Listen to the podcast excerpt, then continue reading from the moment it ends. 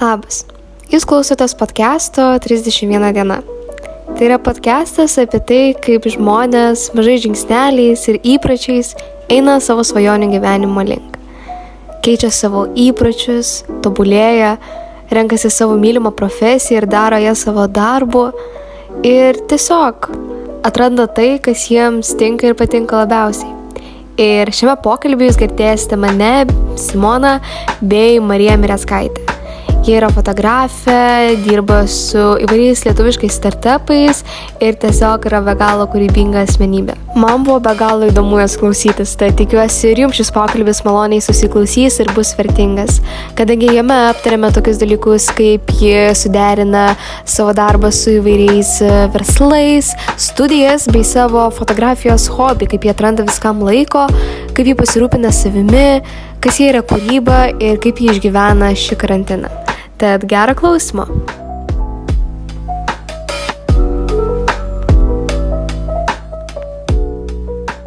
Tai labas Marija, iš tiesų labas. labai labai džiaugiuosi, kad uh, turi, atradai laiko sudalyvauti podcast'e. Tai gal gali tiesiog pradžiai prisistatyti, kas esi ir kuo užsiemi. Tai labai jokinga, nes mano Instagramo nikneimas yra mano vardas Marija, tai galima nuo to ir pradėti. Tai e, esu Marija Miretskaitė, e, šiuo metu aktyviai, galbūt šiuo metu ne taip ir aktyviai, bet šiaip užsiemu fotografiją. E, taip pat studijuoju, dirbu, bandau suderinti visus šitus skirtingus gyvenimo, e, skirtingas gyvenimo sferas ir atrasti kažkokį balansą. Tai e, dirbu šiuo metu lietuviškame startupė vieta app.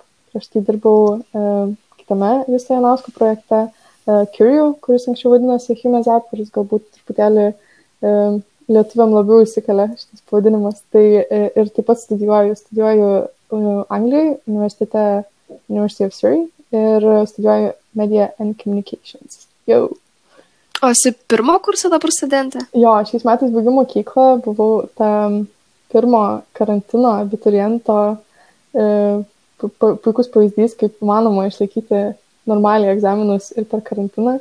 Ir jo, pasibaigiau šią vasarą mokyklą, labai labai dėl to džiaugiausi ir šokau kitus gyvenimo vandenis. Daug buvo bėmėgių naktų, ar tau gerai sekėsi visą tai pasiruošti tiesiog prieš egzaminus?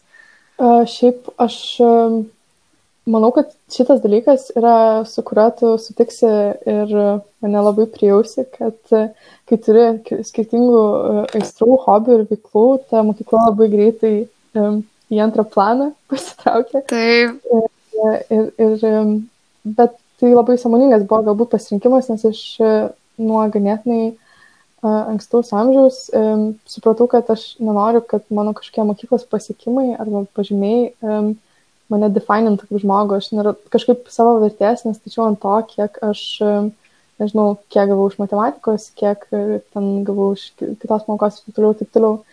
Ir, ir iš tiesų tada, kai aš supratau, kad man bet kuriuo atveju vis tiek reikia pasibaigti tą mokyklą ir kai aš supratau, kad aš to, to nepadėksiu, aš iš tiesų galbūt pradėjau šiek tiek panikuoti dėl to, kad žinojau, kad turiu išlaikyti egzaminus ganėtinai um, aukštai, turint omenyje, jog stojau į Angliją ir ir daugelis mano žmonių e, pažįstamų, kurie stojo į Olandiją, pavyzdžiui, jie turėjo tik tai išlaikyti egzaminus ir turėti ten jelcą, o aš žinojau, kad aš turiu kažkiek e, gauti iš kiekvieno egzamino, tai tiesiog dirbau su keliam korepetitoriam, pasistumėjau su tam tikrais dalykais, tiesiog perlipau galbūt e, tą nenorėjimą įdėti tai pastangų ir, ir tiesiog supratau, kad čia yra mano tikslas, kurį tiesiog turiu pasiekti, jeigu tai make sense.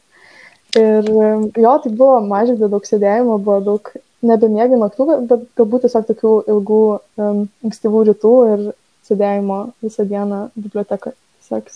O tarkim dabar universitete, tai tu jauti, kad tu nori, tarkim, jau galbūt labiau skirti laiko mokslams, ar vis dar labiau vis dėlto koncentruojas į ten visokius darbus, mhm. fotografiją?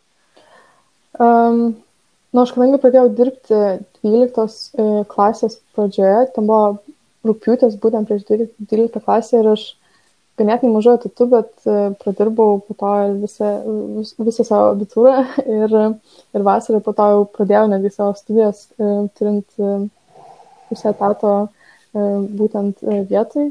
Tai, nu, jeigu dabar taip iš kitos pusės truputėlį Tai e, mhm. labai sunku vertinti studijas e, visiems mano draugam, kurie dabar pradėjo studijuoti, ar nesvarbu, ar Lietuvoje, ar užsienyje, labai labai sunku yra vertinti tas studijas dėl to, kad e, nesvarbu, kiek stengiasi dėstyti, kiek stengiasi universitetai tau suteikti tą pilną, pilną e, patirtį ir perduoti tas žinias, kurias nori tau perduoti pirmam kursė, e, bet dėl karantino ir dėl visokių apribojimų ir draudimų tiesiog e, sunku galbūt įsivertinti.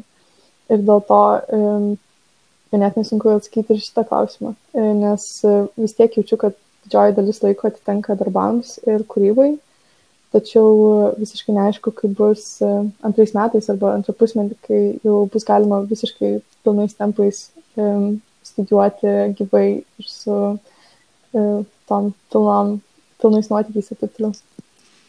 Supratau, tai atrodo, kad tikrai daug užsiimi. Tai šiaip kaip atrodo tavo įprasta diena arba savaitė? Ir ar tu turi kažkokią nusistatytą rutiną arba mm. dienos, savaitės, ar tiesiog ryto rutiną? Um, aš manau, jog um, šiuo metu visiškai e, tiesiai šviesiai pasakius, tai labai iškios rutinos neturiu. Dėl to, jog e, vis tiek, kai persikrūstėm su draugu studijuoti į Angliją, tai buvo tam tikras toksai adaptacijos laikotarpis, kuris reikalavo ir persisvarstyti, kaip aš įsivaizduoju savo dieną, kada aš turiu keltis, kada man reikia būti seminare, kada aš galiu e, skirti laiko savo. Tad e, mano, man atrodo, vienas iš tokių um, tikslų naujiems metams, e, nors labai daug kas neigiamai žiūri į tas New Year's resolutions, man e, mhm. kažkas išsibrėžti tikslus labai labai patinka. Tai, Taip, man irgi toks ritualas tai, visą prieš naujus metus būna. E, atsidaro, e, nežinau, tiesiog kažkas tokio šviežio ir, ir tai Taip, taip. Gurkšnis. Tai aš e, norėčiau turėti truputėlį galbūt tą tokią rutiną, ypač dar turint omenyje, jog dirbu, būnant Anglijoje, dirbu nuotoliniu, e, tai reikalauja dar daugiau e, būtent kažkokios struktūros, nu, tiesiog asmeninės valios savo pasakyti, jog dabar aš prisėsiu prie darbų, dabar aš laiko skirsiu savo, dabar aš skirsiu laiko savo partneriai, dabar aš, e, nežinau, noriu susiskambinti su drauge ir taip toliau. E, jeigu tu nori suspėti visus šitus dalykus pasidaryti, tu bet kuriuo atveju neišvengiant turi turėti kažkokią rutiną. Tačiau šiuo metu kažkokių ritualų ar kažko labai um, apibriešto laikę e, neturiu. Tačiau aišku, kalėdos, visą kitą, tai mes visi dabar tikriausiai truputėlį iškritę. Nu jo, aš ir pati šiaip, nors esu visiškai rutino žmogus, aš, nu, pas mane kiekvienas dienas daugiau mažiau panašiai atrodo, okay. bet dabar, kai kalėdos, tai aš visiškai, aš keliuosi vėlai, nu, vėlai čia irgi, devintą keliuosi, bet man tai yra visai vėlai. E, nu, bet žodžiu, tai man irgi dabar aš esu tokia išsimušusi iš ritmo, mane, nežinau kaip tave, bet tarkim, mane labai karantinas dar paveikė, ypač šis, kai tie apribojimai jau kuo toliau, tuo vis griežčiau, tai aš kažkaip pradedu jausti, kad mano emocinė sveikata labai blogėja tai ir kažkaip tai labai paveikia mano tą kasdienį ritmą. Tai kalbant šiaip apie karantiną, ar jis tave, tarkim, pirmas ar antras, bet šis yra kažkaip tave paveikinu, manau, kad tikrai taip, tai ar galėtum papasakoti daugiau apie tai ir šiaip gal turi kažkokių pamokų išneštų iš šių karantinų? Aš manau, kad e, čia ganėtinai tokia slidi tema, jinai yra, nežinau, man atrodo, kad apie ją kalbėti galbūt reikia ganėtinai atsargiai, e, nes nesinori, nežinau, kažko galbūt įžeisti ar, ar, ar nežinau, nes aš įsivaizduoju, jog e, tai daugam yra iš tiesų be galo sudėtingas laikotarpis ir tiesiog labai labai daug žmonių dėl to buvo paveikti ir iš asmeninės pusės ir iš darbo pusės ir taip toliau. Ir dėl mhm. savo, nežinau, darbo specifikos aš galiu, nežinau, tik tai pasidžiaugti, jog aš dėl karantino nenukentėjau ir nepraradau savo darbo, galėjau dirbti nuotoliniu ir toliau gauti kažkokią, nežinau, tiesiog išlaikyti būtent šitą aspektą savo gyvenimo.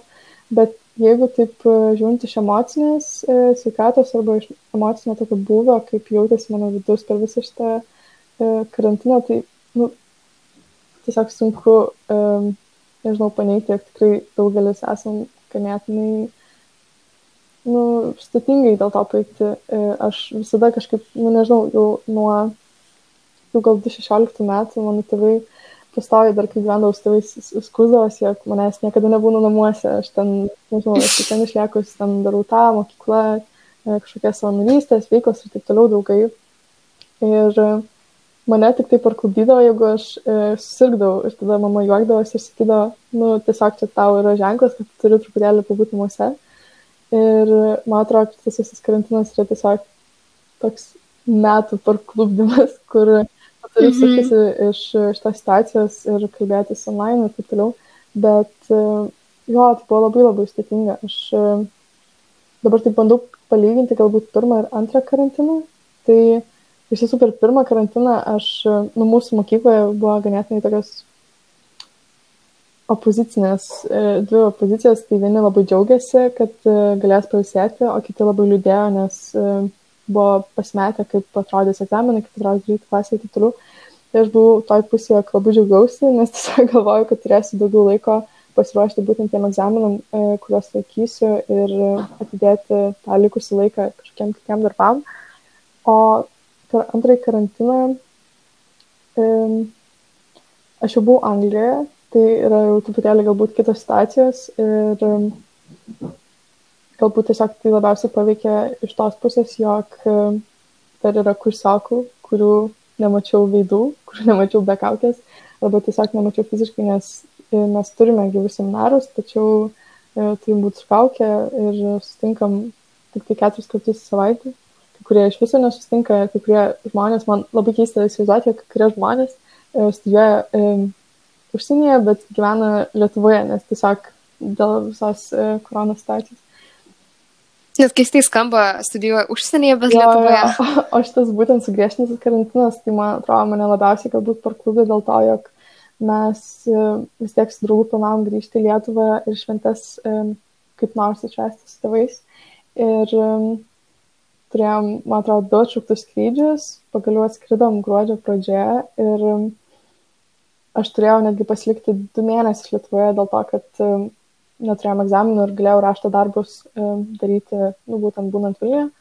Ir galvoju, nu, kaip nuostabu čia sausi draugai, e, ten darbas, visa kita, ten mokslai ir taip toliau. Ir galvoju, kad ten važiuos prie jūros, kad, kad turėsiu, nežinau, tiesiog gražius vakarus ten su tėvais, draugais ir taip toliau. Ir, ir tada mano atšaukė skrydį atgal į Angliją, kuris turėjo būti sausio 23, aš jį prasitęsiau dar iki vasario. Ir tada tą pačią dieną pranešė, jog yra sugriežtas karantinas dėl, dėl labai labai prastos situacijos Lietuvoje. Ir, ir jo, ir aš tą galvoju, kad, nu, blemo, kam aš čia važiavau, aš negaliu susitikti nei su draugais, negaliu, nu, tiesiog mes toliau užnekimės online, aišku, galiu pabūti truputėlį su tėvais, tačiau bet kuriuo atveju 24 valandas per parą turiu sėdėti namuose. Ir, Ir tada buvo toks klausimas, kam aš čia iš viso atvažiavau. Tai buvo ganėtinai sudėtinga, bet aš manau, kad tai šiaip um, labai tiesiog liūdna matyti ir tai, kas vyksta pasaulyje, Lietuvoje ir e, labai labai, nežinau, daug emocijų, daug įtampos ore tvyro, tai, tai dėl to galbūt sudėtinga. Nu, žodžiu, taip tiesiog um, iš teigiamas pusės tai daug daugiau laiko atmastymams, refleksijai, buvimui savimi, o iš kitos pusės tai tiesiog ir kiekvienas žmogus laukia, kad tai tiesiog greičiau pasibaigtų. O kaip tu jautiesi? Jo, aš visiškai sutinku, kad labai daug apmąstymų, aš kažkaip, aš nepasakyčiau, kad aš visada buvau toks labai e, varantis ten į miestą žmogus, aš esu visai tokia namisada, bet irgi labai mėgdavau, ypač, o dieve, kelionės buvo mano viena didžiausių gyvenimo dalių, ypač per pastaruosius metus aš pradėjau vis daugiau keliauti ir aš dar pradėjau pati užsidirbti ir tokia, va, tipo, aš turiu ir galimybę ir galiu gal dažniau keliauti ir tik bats karantinas. Ja. Ir aš dėl to buvau labai nuliūdus ir šiaip, aš kažkaip labai pasilgau Vilniaus, nes aš šiaip gyvenu rajone, dėl to mums negalima net iš rajono išvažiuoti, tai aš kaip ir gyvenu Vilniaus Vilniaus rajone, bet pati Vilnių negaliu nuvykti ir man kažkaip dėl to labai nefaina, nes nu, mes realiai net maksimą negalim nuvažiuoti, kas yra žiauriai keista. Pas mus yra tik čia vietinės tos parduotuvytės. Tai, nu, čia per antrą karantiną kaip sugriežtino, tai dėl to labai irgi keista ir neramu. Va, o dėl tų apmąstymų tai jau buvo visokių. Kažkaip gal vis dėlto supratau, kad namuose net nėra tai blogai, nes man vis dar buvo labai baisu tenais, nežinau, jeigu savaitę išsidėsiu namie, tai jau dieve tenais, aš nežinau, mano gyvenimas pasimes ir panašiai. O dabar supratau, kad iš tiesų viskas yra tik viduje mano ir kad aš galiu būti ir produktyvi, ir kūrybiška, aišku, ne visada, bet vis tiek galiu būti namie. Tai aš jo turėjau tokių pervirsmų savo viduje, sakyčiau. Uh, tai jo, man kažkaip karantinas šitas, vat, žiauriai šiaip laukiu, kada jis pasibaigs ir kada life will get back to normal. Bet, uh, bet visai man vis tiek patinka ir atrandu kažko gero. Bet gal atsiribojant jau nuo to karantino, nes dabar vis vien visi apie jį kalba, tai gal šiaip galėtum papasakoti aplamai, kaip prasidėjo, tarkim, tavo darbai su startupais. Tai kaip minėjai, su Human App, su dabar vieta App, tai kaip iš vis, kokiamis aplinkybėmis susiklosti, kad pradėjai su jais dirbti? E, čia, man atrodo, viena iš mano mėgstamiausių galbūt istorijų, dėl to, kad um, visą tai galima apibūdinti tokiu labai labai um, man pačiai nesuvokiamu ir tiesiog ganėtinai įspūdingu e, tokiu ciklu, kuris, e, jeigu taip pasistengiam trumpai papasakoti, tai 2016 m. rūpiutį, kiek man ten buvo metų, nu, dar mažiau negu tau šiuo metu, tai nežinau, gal 14-15, e, tai prasidėjo mano toksai proto netikimas dėl savo narystės. Aš užsirašiau dar pavėluotai užsirašiau savanoriauti tokiame šiuo metu jau nebevykstančiam e, Vilnius Street Art Festival. O jo įkūrėjas, e, organizatorės yra Gabija Varšaitė, rašytoja ir e, Curio bei vieta app bendrai įkūrėja. Ir taip pat dar jos kolegė Ula, kuri vadovavo leidyklai Lapas. Dabar visai nesiniai ją pakeitė, bet čia jau nesaibu.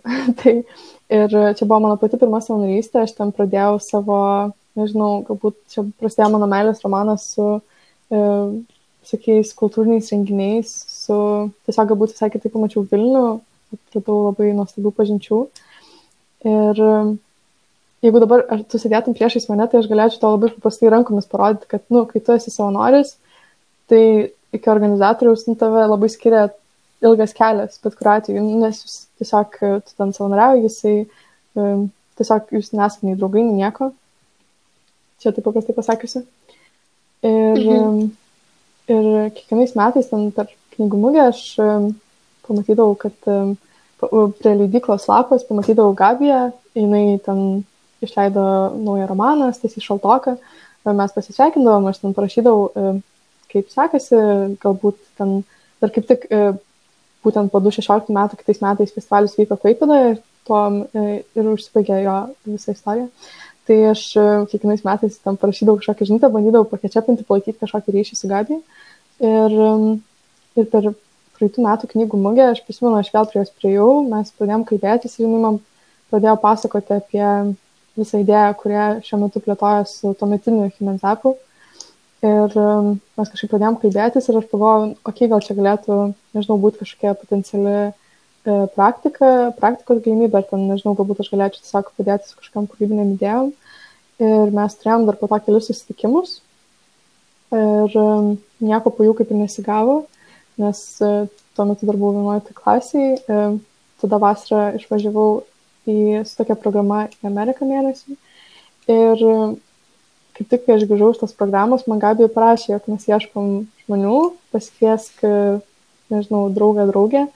ir um, ateik pasikalbėti, galbūt kažkas čia iš to gausis. Ir aš tuo metu um, ne, nežinau, ką tiksliai pakviesti ir pats pirmas žmogus į galvą man šovęs tai buvo Vikė. Um, tu tikriausiai irgi puikiai pažįsti Vikė Malaškaitę. Tai taip, taip. mes tuo metu net nebuvom draugės, tačiau man jinai pasirodė kaip žmogus turintis tokį gerą darbo etiką ir tiesiog ne, nežinau, kodėl aš jai parašiau, jinai iškart sutiko. Ir mes rūpiučio vidury pradėjom uh, būtent dirbti uh, Humenzapę, dabartiniam Curio, ir visas mūsų darbas turėjo atrodyti kaip tiesiog vieno mėnesio trukmės toksai projektas, mes turėjom padėti su tam tikrais tokiais keliais procesais ir, ir tiesiog atėjo mokslo metai, mes ten pasilikom ir tada aš jau buvau 12 klasiai, tai buvo tas toks kasmėnesinis, kasmėnesinis toksai, nu gerai, padirbsiu iki ir tada jau susimsiu su mokslais, padirbsiu iki naujų metų, padirbsiu ir tada su mokslais, tada, nu gerai, iki kovo mėnesio dar padirbsiu ir tada jau susimsiu. Ir aš tiesiog niekada neišėjau iš to darbo. Ir tada birželio mėnesį atsirado labai patogi galimybė prisijungti prie e, vietos, nes kaip tik ieškojau naujų žmonių. Ir mes su Vikė pradėjome dirbti prie būtent vietos startupo.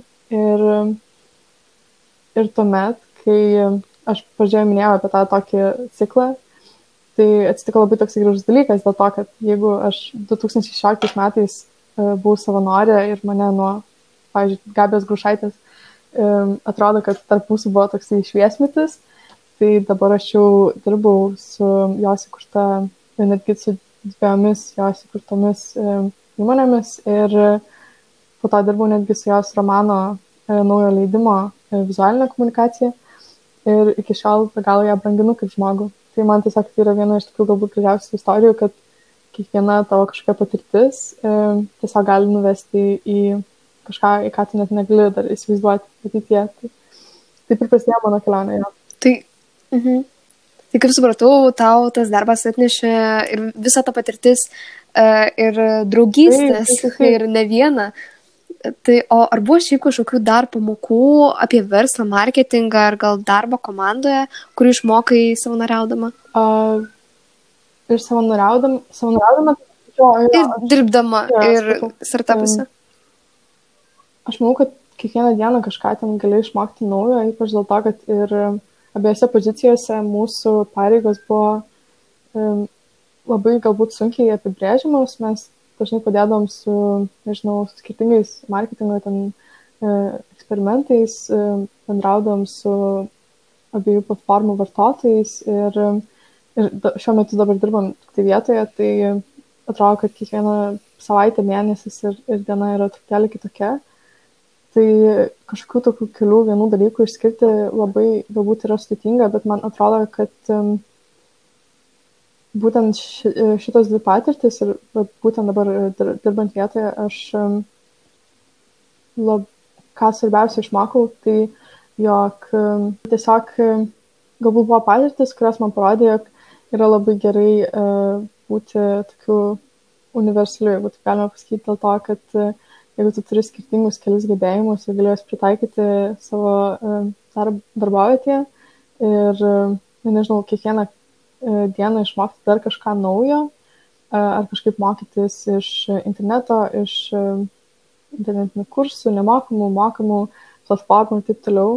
Tai tiesiog galbūt parodo, kad kiekvieną dieną, nu, tos konkurencijos yra labai labai daug ir tu turi būtent save išskirti savo patirtimi, žiniomis ir, ir nežinau, nudirbtais darbais, jeigu taip galima pasakyti. O jeigu kalbant apie darbą komandoje, tai aš galbūt e, labai mė... tiesiog įpratau dirbti viena ir supratau, kad jeigu tu dirbi komandoje, nu, be galo, be galo svarbu yra išklausyti kitą žmogų. Čia gali atrodyti visiškai, visiškai saime suprantama, bet, e, bet e, tiesiog išklausyti, jeigu turit kažkokią problemą, tai aš pati su to turėjau ganėtinai didelį iššūkį. Tai tiesiog bandyti įsiklausyti kitą žmogų ir kai kurie žmonės mato tai kaip blogą bruožą, bet nebijoti keisti savo nuomonės. Dėl to, kad um, labai labai dažnai uh, per dialogą ir per pokalbį tu gali tiesiog vieną situaciją pamatyti iš visiškai kitos pusės ir, ir suprasti, kad visą šitą laiką tu mąstėjai, nu, ne, nežinau, ne tik neteisingai, bet tiesiog labai svarbu yra tiesiog išklausyti kitą žmogų. Jeigu taip. Jo, man atrodo, tiesiog yra labai svarbu nestatyti tokios tai, sienos su savo įsitikinimais ir visą gyvenimą taip ir gyventi, nes, tarkim, nu, čia neminėsiu vardų, bet e, iš mano artimų žmonių yra tokių, kurie tiesiog pasistato sieną tokią ir nu, ge, gerus kelius metus su savo įsitikinimais. Aš jau nebepasikeisiu. Jo, jo, jo. Arba, tarkim, gyvenimas yra toks, yra noks ir aš tuo tikiu ir aš visiškai nepriimsiu kitų nuomonių. Tai ir iškart kažkaip manau, ir pačiam nelabai taip faina yra būti, nes tu kaip ir nelabai kažkur vystaisi, bet ir aišku, kitiems žmonėms žiauriai nemalonus taip bendrauti.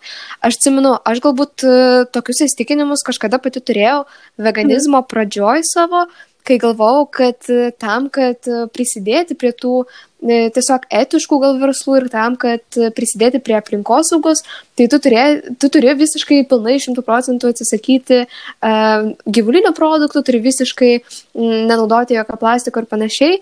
Ir va tik po kokių dviejų, gal net trijų gerų metų aš dabar suprantu, kad Visiškai ne, visiškai tiesiog turi daryti tai, kas tau įmanoma ir net nebūtina šimtų procentų būti ar veganų, ar zero waste, ar, mes, ar apie kokį gyvenimo būdą bekalbėtume, Tai aš kažkaip pat irgi supratau, kad man irgi yra labai svarbu nedėti tokių įsitikinimų, nes aš tada labai gyvenau ilgai su įsitikinimu, kad va čia turi būti šimtų procentų tobulas ir tik tada gali ten save vadinti, kad tu prisidedi prie, prie, aplinkos saugos. Ir neatsimenu, kaip ar kas man padėjo tai suprasti, bet va, kažkaip uh, sugrioviau tą įsitikinimą ir supratau, kad uh, visiškai ne ir visiškai turi daryti o, iš savo jėgų. Vieną dalyką, kurį galbūt pridėčiau, um, tai e, labai... Nežinau, kažkaip dabar ką tik prisiminiau, kad labai svarbu yra visada pabandyti, e, pasitestuoti ir net jeigu ir nepavyks, tai bent jau suprasti, jog tu pabandėjai. Tai čia aš suprantu, kad skamba be galo banaliai, bet tiesiog buvo nemažai tokių situacijų, kur, kur, kur galvojau, kad tikrai kažkas nepavyks arba, nežinau, neverta ir taip toliau, ir taip toliau, arba tiesiog... Arba I'm not tiesiog, that arba person. Um, mums čia tikriausiai subikę, čia taip juokingai, nu, pasakius, mes vis kažkaip tik toko bandėm e, prisijaukinti tik toką, nes tai bet kuriuo atveju yra dabar labai labai daug galimybių siūlanti platformą ir e, iš marketingo pusės tai yra, nu, tiesiog, e, nežinau, e, labai labai daug, kaip tiesiog, e, no, visiškai veiksmingas įrankis. Ir, ir aš netgi vieną tik toką pabandžiau nufilmuoti, aišku, man ten labai nepatiko ir visą kitą, bet tiesiog kartais turiu perlipti per save, pabandyti ir, ir jau ką tai tiesiog, nežinau, žinoti, jog tai nėra Jo, išsigryninti, kas tau tinka, o kas ne. Tai kalbant apie tai, kas tau tinka ar netinka, tai manau, fotografija tau tikrai labai tinka ir užsimini, kad uh, be visų, be studijų, be darbų, tai tu dar ir fotografuoji kaip hobį ir kaip tiesiog savo vieną iš veiklų.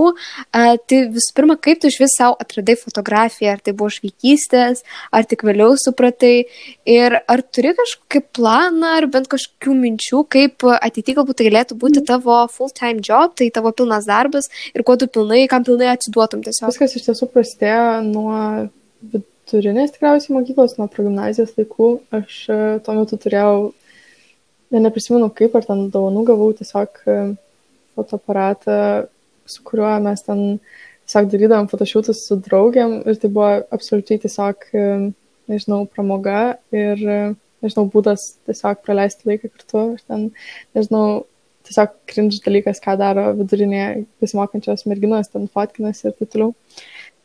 Ir, taip, taip. Ir, man atrodo, kad po kurio laiko tai kažkaip um, sustojo, jeigu taip galima pasakyti. Ir um, aš va taip skolinau visai nesnei savo Instagramą, um, nes bandžiau tiesiog persižiūrėti archyvus ir taip toliau. Ir um, pamačiau, kad mano pirma nuotrauka su juostiniu fotoaparatu daryta buvo lygiai, nu, beveik prieš, nu, daugiau, šiek tiek daugiau negu prieš du metus. 2018 metų ten uh, buvo ruduo, kai aš, e, nežinau, labai puikiai neprisimenu, kaip visą tai mano galvoje sužaidė, kad aš noriu tai pabandyti, būtent uh, juosinę fotografiją. Tačiau um, tiesiog tokia mintis šovė man į galvą ir um, mano mama tiesiog, uh, aš dažnai girdžiu tokias istorijas, kad ten senelis padaunoja kažkokį juosinę arba ten iš mamos gavo, tai aš, uh, mano istorija nėra išskirtinė, aš tiesiog gavau mailinę iš savo mamos ir um, kažkada rašiau savo Instagram'e, kad nutapau tas toksai fotografijos draugas, kur ten jeigu yra kažkoksai, ne, nežinau, ten ruošiame šimtadieniui su, ten, nežinau, mokykloje, arba yra kažkoksai ten vakarėlis, arba kažkur keliauju ir taip toliau. Tai aš buvau tas žmogus, kuris visada turėdavau, turėdavau su e, juosinę muilinę. Ir man atrodo, čia praeitų metų buvo vasara, kai aš pajaučiau, kad aš nežinau, ateina tos kūrybinės idėjos, kurias e, noriu gyvendinti ir kad jau um, muilinė nebegali jų galbūt taip puikiai išpildyti. Ir nusipirkau truputėlį e, geresnį fotoaparatą. Nereikėjo jį daug, daug investuoti, bet tiesiog nu, tai buvo kaip toks sekantis žingsnis. Ir, ir jo, ir tada prasidėjo jau truputėlį tokie rimtesni projektai, rimtesni darbai. Dar, vis dar negaliu įsigryninti, į kurią fotografijos E, į kurį fotografijos žanrą noriu fokusuotis. Tai bet kuriuo atveju labai dažnai būna portretai, bet mane domina ir e, mados fotografija, ir dokumentinė fotografija, ir tiesiog, e, kad ir kaip aš, nežinau, bandyčiau savo atsakyti klausimą, kur aš noriu fokusuotis, tai bet kuriuo atveju nelimituoja manęs, kad aš negaliu daryti kažko visiškai kito.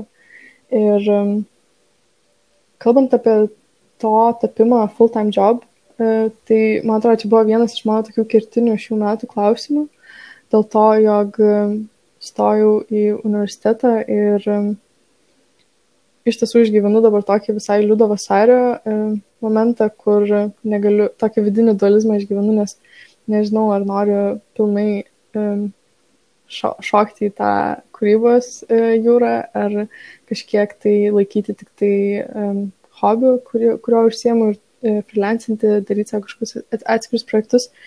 Tai iš šį klausimą atsakyti yra ganėtinai sunku, tačiau bet kuriuo atveju įsivaizduoju, kad tai bus gyvenime dalykas, kurio ilgai nepaleisiu. Tai kol kas taip uh, intuityviai eini su Aš, tą fotografiją? Tiesiog galbūt, nu taip pavyko gyvenime susitikti su tinkamai žmonėm ir turėti labai labai tokių smagių projektų, smagių fotosesijų ir man asmeniškai tiesiog vertybiškai um, aktualių. Tai dėl to labai džiaugiuosi ir kadangi labai dar mėgstu uh, įlysti truputėlį į tos mados užkulisius, tai be abejo, kad šiuo metu tai yra ganėtinai sudėtinga, nes nevyksta nei jokie renginiai ir taip toliau. Bet uh, tikiuosi, kad kitais metais bus uh, tikrai daug viskas aktyviau ir, um, ir pilnai galėsiu sugrįžti į tuos tempus, kurių labai labai pasilgau. Tai ši fotografija atrodo kaip labai toksai romantiškas hobis, labai taip romantizuojamas. Ir e, aš pati, kai fotografuoju, tai, kai, nu, vat, nesinčiau, nusipirkau fotoaparatą, pradžioje galvojau, kad tai čia geras fotikas, tai bus geras nuotraukas, viskas taip easy peasy. Bet e, iš tiesų ne viskas taip yra paprastas tais fotoaparatais, ypač iš techninės pusės, bent jau man. Uh, ir šiaip nesiniai suskaičius knygoje Big mhm. Magic, man atrodo, Elizabeth Gil Gilbert, ir jį paminėjo, kad bet kokioje aistroje, kūryboje, kas tai bebūtų projekte, yra tas shit sandwich. Tai ta pusė, kurios tu nu, nenori valgyti, nenori jos priimti, bet, nu, kurie yra vis, vis dėlto tos kūrybos ar to hobio dalis.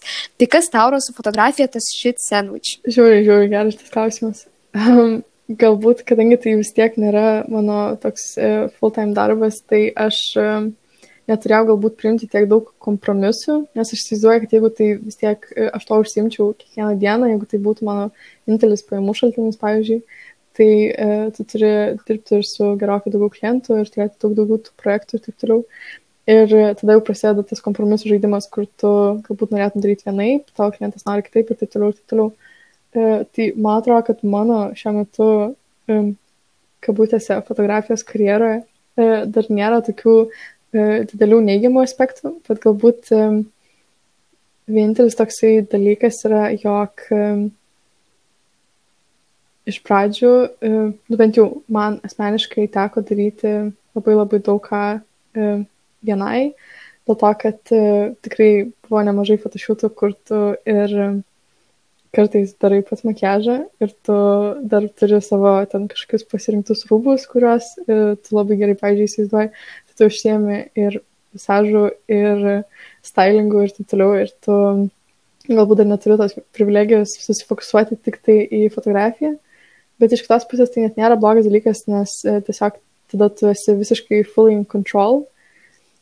Bet, e, bet šiais metais jo, aš bandžiau kažkaip truputėlį e, paleisti tą kontrolę ir ieškojau truputėlį ir komandos, su kuria norėčiau dirbti. Ir teko dirbti ir su labai keliom talentingom merginom, kurios visažą daro. Ir tai buvo labai nuostabi patirtis. Man atrodo, vasario ir kovo mėnesį netgi buvo tokia fotosesija, kur dirbau su dviem kitom fotografijom, mes turėjom tokią ganėtinai didelę kolabą kartu dar su trim dizainerių, e, trijų dizainerių rūbais paskolintais, tai buvo irgi toks jau gerokai didesnis e, projektas, negu kad e, tiesiog tu pasikėti draugą ir jūs ten, nežinau, padarėt kažkokią fotosesiją. Tai tokio galbūt šit sandwich dar, dar labai baisaus nėra. Aš manau, kad galbūt didžiausias šit sandwich kuris atsitinka, kai tu užsiemi kūrybą ir man atrodo, čia absoliučiai kiekvienas gali sutikti. Tai yra tiesiog e, kūrybiniai blokai, kurie kažkodėl karantino metu, mm. nu, ne mhm. kažkodėl, obviously kodėl, bet um, tiesiog žiauriai stipriai buvo apėmę kelis kartus ir kai buvau Anglijoje ir kai buvo labai labai hotiška ir ten nesuskaudžiau, kur aš esu ir ką aš noriu veikti.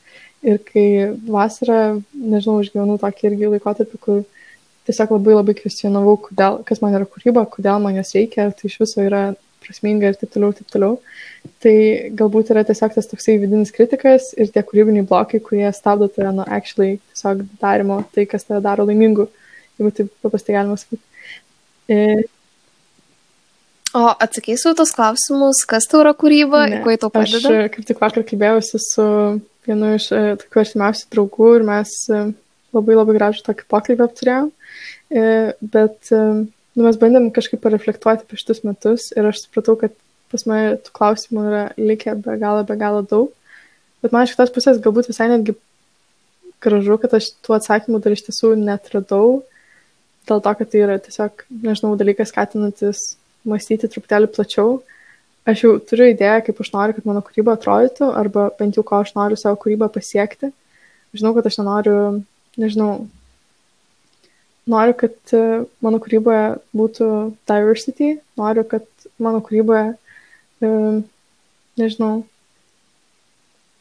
tiesiog galbūt visada noriu kažkokią prasmingą žinutę siūsti, jeigu taip galima pasakyti. Ir aš vėlgi žinau, kad tai skamba galbūt iš šono ganėtinai um, kaip tokia klišė, bet uh, kai tu žinai, kad tai yra būtent tavo darbas ir tavo kūryba, tiesiog norisi, kad tai, jo, kad žmogus į tai pasižiūrėtų ir galbūt galėtų pasisemti kažkokį įkvėpimą būtent į savo gyvenimą. Tiesiog, man atrodo, šiaip, gal, kas gražiausia yra su kūryba, kad um, ir irgi labai įdomu šiaip kokia tavo nuomonė yra iš tų klausimų Tai kad uh, tiesiog tai yra, nu, toks mediumas, kuris, nu, kuriuo tu, nežinau, gali atrasti tą savo balsą, taip galima pasakyti. Nes šiaip mes dabar su, su, nežinau, su visais socialiniais tinklais, panašiai mes dabar esame ne tik tai um, vartotojai, bet ir labai labai paprastai galima atrasti, uh, būti kuriejai, kurti savo, nežinau, dalintis savo mintimis, dalintis savo darbais ir taip toliau, taip toliau.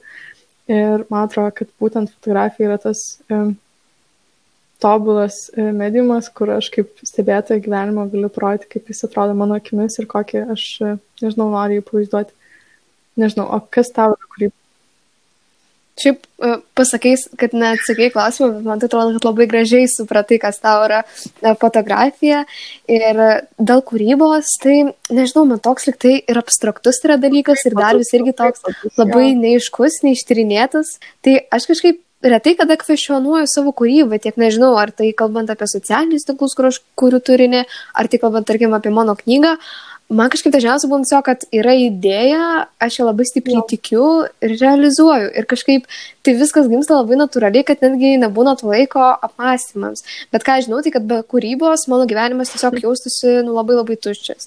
Ir jo, žmonės labai pripildo gyvenimą, bet vis dėlto man kažkaip tik tam ant tam tam procentų žmonės labai pripildo mano gyvenimą ir vis dėlto kita dalis tai yra kūryba. Tai kažkaip tiesiog, um, tai tiesiog gal prasmė, kad labiau jaučiuosi fulfilled. Um, kurdama. Ir dar tu paminėjai, kad dėl tų kūrybinių blokų. A, tai man įdomu, ar, va, tarkim, ir studijuojant, ir dirbant, ir fotografuojant, ar tau būdavo perdėgymų. Ir jeigu taip, tai kaip iš jų išlipdavai. Nes skamba, kad iš tiesų veikia visai daug, net labai daug, Tai ar vat, buvo tokių burnouts, kai visiškai nerandi laiko pailsėti ir kaip iš jų vėliau užsirizdavai? Man uh, draugė visai nesiniai atsiuntė laišką, kurį aš jai išsiunčiau. Uh, tiesiog nufotografavo laišką, kurį aš jai išsiunčiau, man atrodo, irgi prieš kelius metus, kai dar buvo visas tas bumas ir turėjau laiko daug daugiau savanoriauti, negu turiu šiuo metu. Ir, na, nu, aišku, galimybės buvo visai tokios. Ir man atrodo, kad būtent um, kuo daugiau aš dariau, um, kuo daugiau lakščiau, kuo daugiau buvo tų skirtingų veiklų, e, tuo labiau aš, e, nu, nežinau, kažkaip tiesiog e, jausdavus gyva, žinai, nes dabar atrodo, kad aš šiaip per šių metų būtent kažkokius emocinius nuopolius, kai kalbėdavau su draugais ir bandydavau kažkaip išsiaiškinti, kodėl aš jaučiuosi taip, kaip aš jaučiuosi, aš tiesiog supratau, kad aš labai labai daug dalykų, kuriuos noriu daryti, tiesiog nu, negalėjau jų daryti, dėl to, kad, nežinau, rašiausi egzaminam, nežinau, galbūt negalėjau tai keliauti, kiek norėjau keliauti, negalėjau tiesiog labai labai didžią, nu, dalykai, kurie man anksčiau stikdavo labai labai daug laimės, jie turėjo trumpam laikui pasitraukti dėl koronos, dėl egzaminų, dėl 12 klasės. Ir e, būtent, kad e, kuo aš daugiau darydavau, tuo aš nu, geriau jausdavausi, žinai, ir ne iš to tokio e, produktyvumo kulto pusės, kur aš ten tipo turiu, būtent jaučiu pareigą, kad aš turiu daug daryti, bet tai tiesiog natūraliai gaudavosi, kad okei,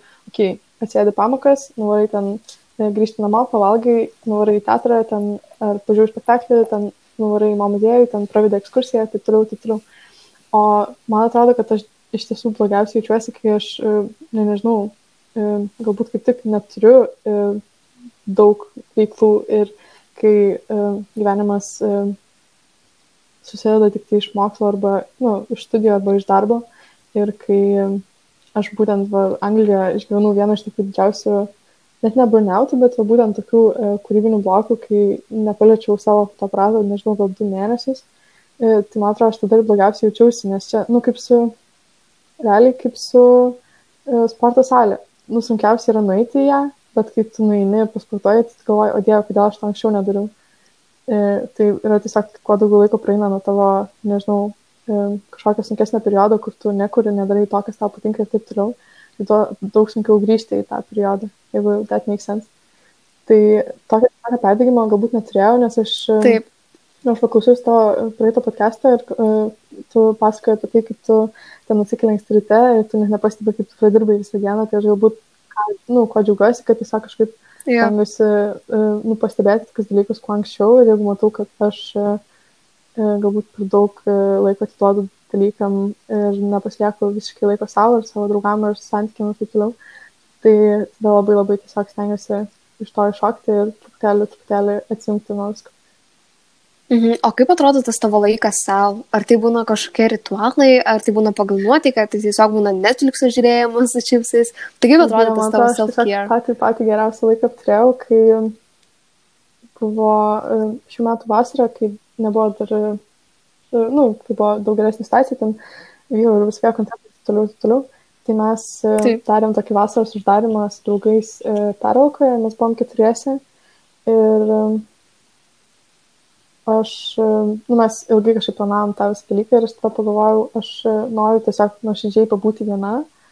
Ir aš mačiau aplinkui labai labai daug žmonių, kurie um, net negalėtų leisti savo tokios privilegijos būti valandas e, vienas savimi taip toliau. Ir aš galvoju, kad jeigu ne dabar, aš jauna, aš galiu, žinai, tiesiog pabūti savim ir taip toliau.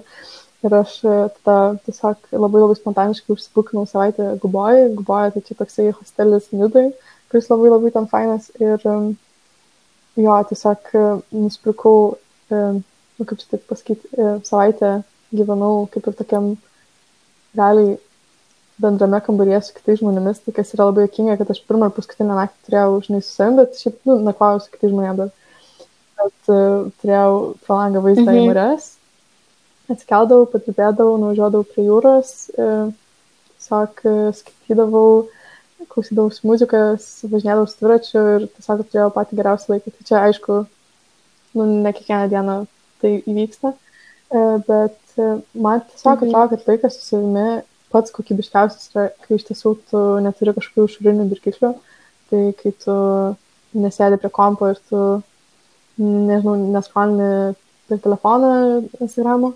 E, ir aš turiu pripažinti, kad aš iš tiesų pastaruoju metu žiauriai daug to, dar, dariau labai labai daug laiko praleidau prie ekrano ir taip toliau.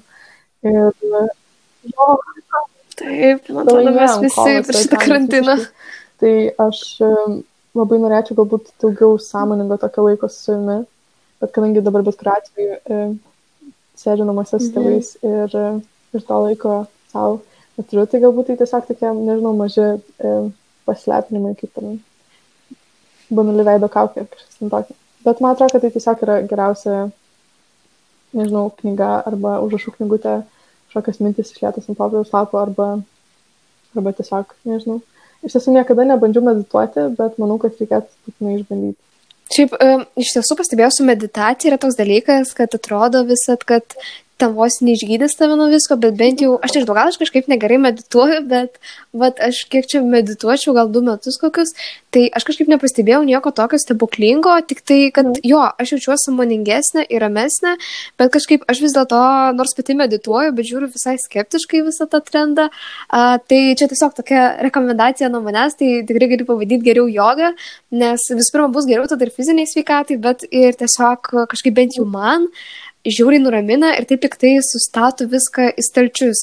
Ir kas yra labai keista, tai kad darydama jogą aš kartais netgi atrandu, atrandu tuos e, problemų sprendimus, tarkim, apie savo verslą ar kažką tokio darbinio, būtent per jogą, bet e, gerąją prasme. Mano meditacijos yra bėgiojimas, kurį irgi buvo labai ilgai apleidusi, bet e, mm, tiesiog atskridė į Angliją, nežinau, pama, tiesiog draugas turėjo labai dažnas treniruotės ir aš pagalvojau, kad tiesiog galbūt grįžčiau back on track ir prisijungsiu prie jo kartą kartą.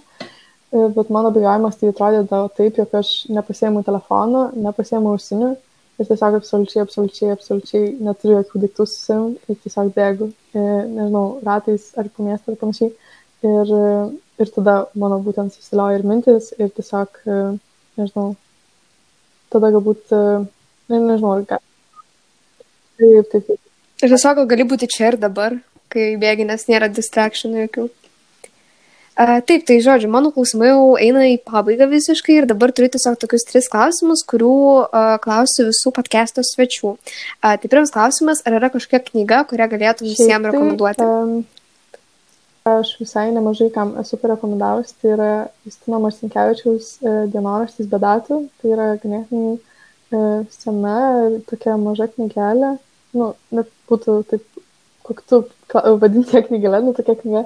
Ir e, pavadinimas labai lengvai suplatuoja apie ką tai yra. Tai yra tiesiog e, Justino Marcinkievičiaus apmąstymai apie kūrybą, apie gyvenimą, tokios trumpos istorijos ir e, Ir čia man buvo viena iš tokių knygų, kur aš em, pasiėmiau iš bibliotekos ir po to supratau, kad aš ją tiesiog nu, turiu turėti, kad aš galėčiau ten žymėtis ir highlightinti. Tai čia tiesiog toksai, kur verti kiekvieną puslapį, tu nori pasižymėti savo mintis ir tai labai labai daug suteikia įkvėpimo. Tai aš manau, kad kiekvienas žmogus, kuris užsiema kūrybą arba tiesiog, e, nežinau, nori tokio um, per daug galbūt neįpareigojančio, e, ne- neįpareigojančios literatūros, bet tuo pačiu metu ir įkvėpimo pasisemti. Tai Justino Marcikevičiaus e, dienoraštis be datų yra tikrai nuostabus pasirinkimas. E, Tai antras klausimas, tai ar yra kažkoks įprotis labiausiai pakeitęs tavo gyvenimą? Tai tai gali būti tas pats bėgiojimas ar knygos skaitimas, Mm. žodžiu, kas tai bebūtų. Įprotis, bet um, tiesiog toks dalykas, su kuriuo aš gyvenau labai ilgą laiką ir aš pastebėjau, kad tai man um, labai labai padėjo daug kartų ir skirtingose situacijose. Tai yra, jeigu, um, nežinau, iš tiesų tiesiog vienas paprastas žodis tai yra dialogas, e, pokalbis su kitu žmogumi atveria tiek daug galimybių ir, ir um, aš, kai pradėjau dirbti um, tuometiniam filmazepė, dabar Crew, tai aš e, turėjau kelis susitikimus su visiškai nepažįstamais žmonėmis, e, kurie irgi labai labai pakeitė mano gyvenimą. Tai galbūt tai vėlgi sakau yra neįprotis, bet tiesiog toksai požiūris, kad nu, be galo svarbu. Reikia kalbėtis. Dėl kurio tu esi neužtikrintas, pasikalbėk su kažkuo. Jeigu tu, um, nežinau, um, nori sužinoti apie kažką, tai aš, pavyzdžiui, geriausiai mokusi būtent iš kito žmogaus ir aš manau, kad tai yra labai labai big thing, kad tu geriausiai mokaisi iš kitų žmonių. Tai jeigu tu turi kažkokią, nežinau, problemą arba nori kažko kito išmokti arba panašiai, tai kreipkis į kitą žmogų. Čia labai galiu irgi trumpą greitą istoriją papasakoti, dvi labai labai, labai trumpas istorijos. Tai uh, mano vienas iš Mhm. pokalbių uh, per, um, nu, iš tokios serijos, tai buvo uh, mano pirmas susitikimas su Urte Karalaitė. Uh, mes susitikome kavinėje ir mūsų tokio susitikimo tikslas buvo, kad aš uh, papasakočiau jai apie savo baimės. Ir aš turėjau, važiavau į tą susitikimą, susirašiau savo sąrašiuką baimių, labai taip spontaniškai tiesiog viskas, kas mane tuo metu neramino ar kelia, nežinau, kažkas tiesiog dėl ko bijojau, ar ten, nežinau, likti viena, ar pasenti, ar ten, nu, visokie skirtingi dalykai. Ir e, mes susitikome, e, aš kaip, jai kaip visiškai tokiam nepažįstamam žmogui papasakau viską, kas gulėjo mano širdies. Ir e, net vien tas papasakojimas kitam žmogui apie tai, kaip tu jautiesi viduje, e, taip tiesiog atrodo, kad tos baimės iš viso dingo ir man atrodo labai labai dažnai mes, ne, nežinau, kažkokias mintis kartuojam savo ir labai labai po to susigyvenam su jom, atrodo, kad jos tampa kažkokiam tiesom, bet jeigu tu pasikalbės kažkuo, e, tai tiesiog gali absoliučiai apversti tavo požiūrį į tą dalyką. Ir vieną kartą per vieną savo tokį kūrybinio bloko periodą susiskambinau su tokia e, menininkė iš Australijos ir mes dar iki dabar palaikom ryšį, susiskambinam ir kalbamės apie meną, kūrybą ir taip toliau. Ir tai irgi yra žmogus, kuris man labai labai padėjo daug ką e, pergyventi. Tai tiesiog labai labai svarbu nebijoti pakalbėti, paklausti ir, nežinau, būti galbūt pažeidžiam. Tai čia viena iš priežasčių, kodėl aš pradėjau šį podcastą, nes iš tiesų pokalbiai yra vienas vertingiausių turbūt dalykų gyvenime. Ir trečiasis klausimas irgi susijęs su įpročiais, tai ar yra kažkoks įprotis, kurį norėtum dar prisijaukinti ar per karantiną, ar per naujus metus, ar Aš, tiesiog ateityje, artimiausiu metu. Iki, kadangi dirbu per kompiuterį, mokausi per kompiuterį ir galiu dirbti netgi ten per telefoną, atrašyti žinutės ir taip toliau ir taip toliau. Tai galbūt vienas iš tokių įpročių, kuriuos noriu implementuoti savo gyvenimą, tai yra tiesiog, nežinau, tai būtų kasdiena, ar tai būtų kažkokia diena savaitėje, ar tai būtų tiesiog kažkoks laiko tarpas, bet tiesiog absoliučiai um, atsijungti nuo... Toks detoksas. Aš galvoju, kad aš būtent būnant nidoje galėsiu tai pasidaryti, bet tada supratau, kad aš bet kuriuo atveju dirbu ir tada jeigu ten, nežinau, kažkur išeinu pasivaikščioti, tai turiu turėti žemėlapį, nes ten po to kitaip pasimesiu ir taip toliau. Bet kažkas yra be galo tokio gražaus, kai tu pasi, pasiliek telefoną namuose ir tu gali kažkur išeiti, e, gali užsimti visiškai kitais dalykais, nes nu, tiesiog labai labai patogu viską šiuo metu daryti per kompą, daryti per telefoną bet um, atsigręžti būtent į tos visiškai kitokius pojūčius ir tiesiog galbūt būti samoningesniu, man atrodo labai svarbu. Tai čia galbūt vienas iš tokių dalykų, kuriuos tiesiog noriu daug daugiau, kurio, kurio noriu daug daugiau būtent kitais metais. Dėl to aš ir labai sutinku, aš tai tiesiog, tarkim, noriu išmokti kažkiek mažiau dirbti ir daugiau atmokti. Man atrodo, galbūt tiesiog labiausiai noriu suprasti ir galiausiai įsikalti savo galvą, kad, nu, šitaip per šitą pokalbį žiauriai šaudau tokiam banalybėm, bet kad tiesiog literaliai gyvenimas yra vienas ir tu, nu, bet kuriuo atveju turi jo mėgautis, kad ir kaip atrodytų sunku ir kad ir kiek daug baisių dalykų gyvenime vyksta ir tu turi tą galbūt žinoti, turi kažkaip, nu, nežinau, savo pasirinkimais gyvenime tą bandyti keisti, bet atdienų vidai tu, ne, nežinau, tiesiog turi e, pasimėgauti viskuo, kas yra aplink. Tai gal reikia kažkaip atsiriboti nuo tų visuomenės stereotipų ir nuo visuomenės savokos laimės ir visiškai atrasti, kas tau yra laimė ir tuo vadovautis gyvenime. Irgi kaip tik klišė beskambėtų, bet it all comes that to that. Tai ačiū labai labai Marija, kad dalyvavai šiame podcast'e, labai fainas pokalbis, išėčiau valandą rekordinam. Tai dar kartą ačiū tau labai ir ačiū visiems podcast'o klausytojams, kurie klausėte galite pasidalinti savo stories ar kur tik norite, ar nusis draugai šį podcastą, jeigu manote, kad jis vertingas. Tai dar kartą ačiū Marijai ir mūsų klausytojams. Susimatysim kitose epizoduose ir visiems iki.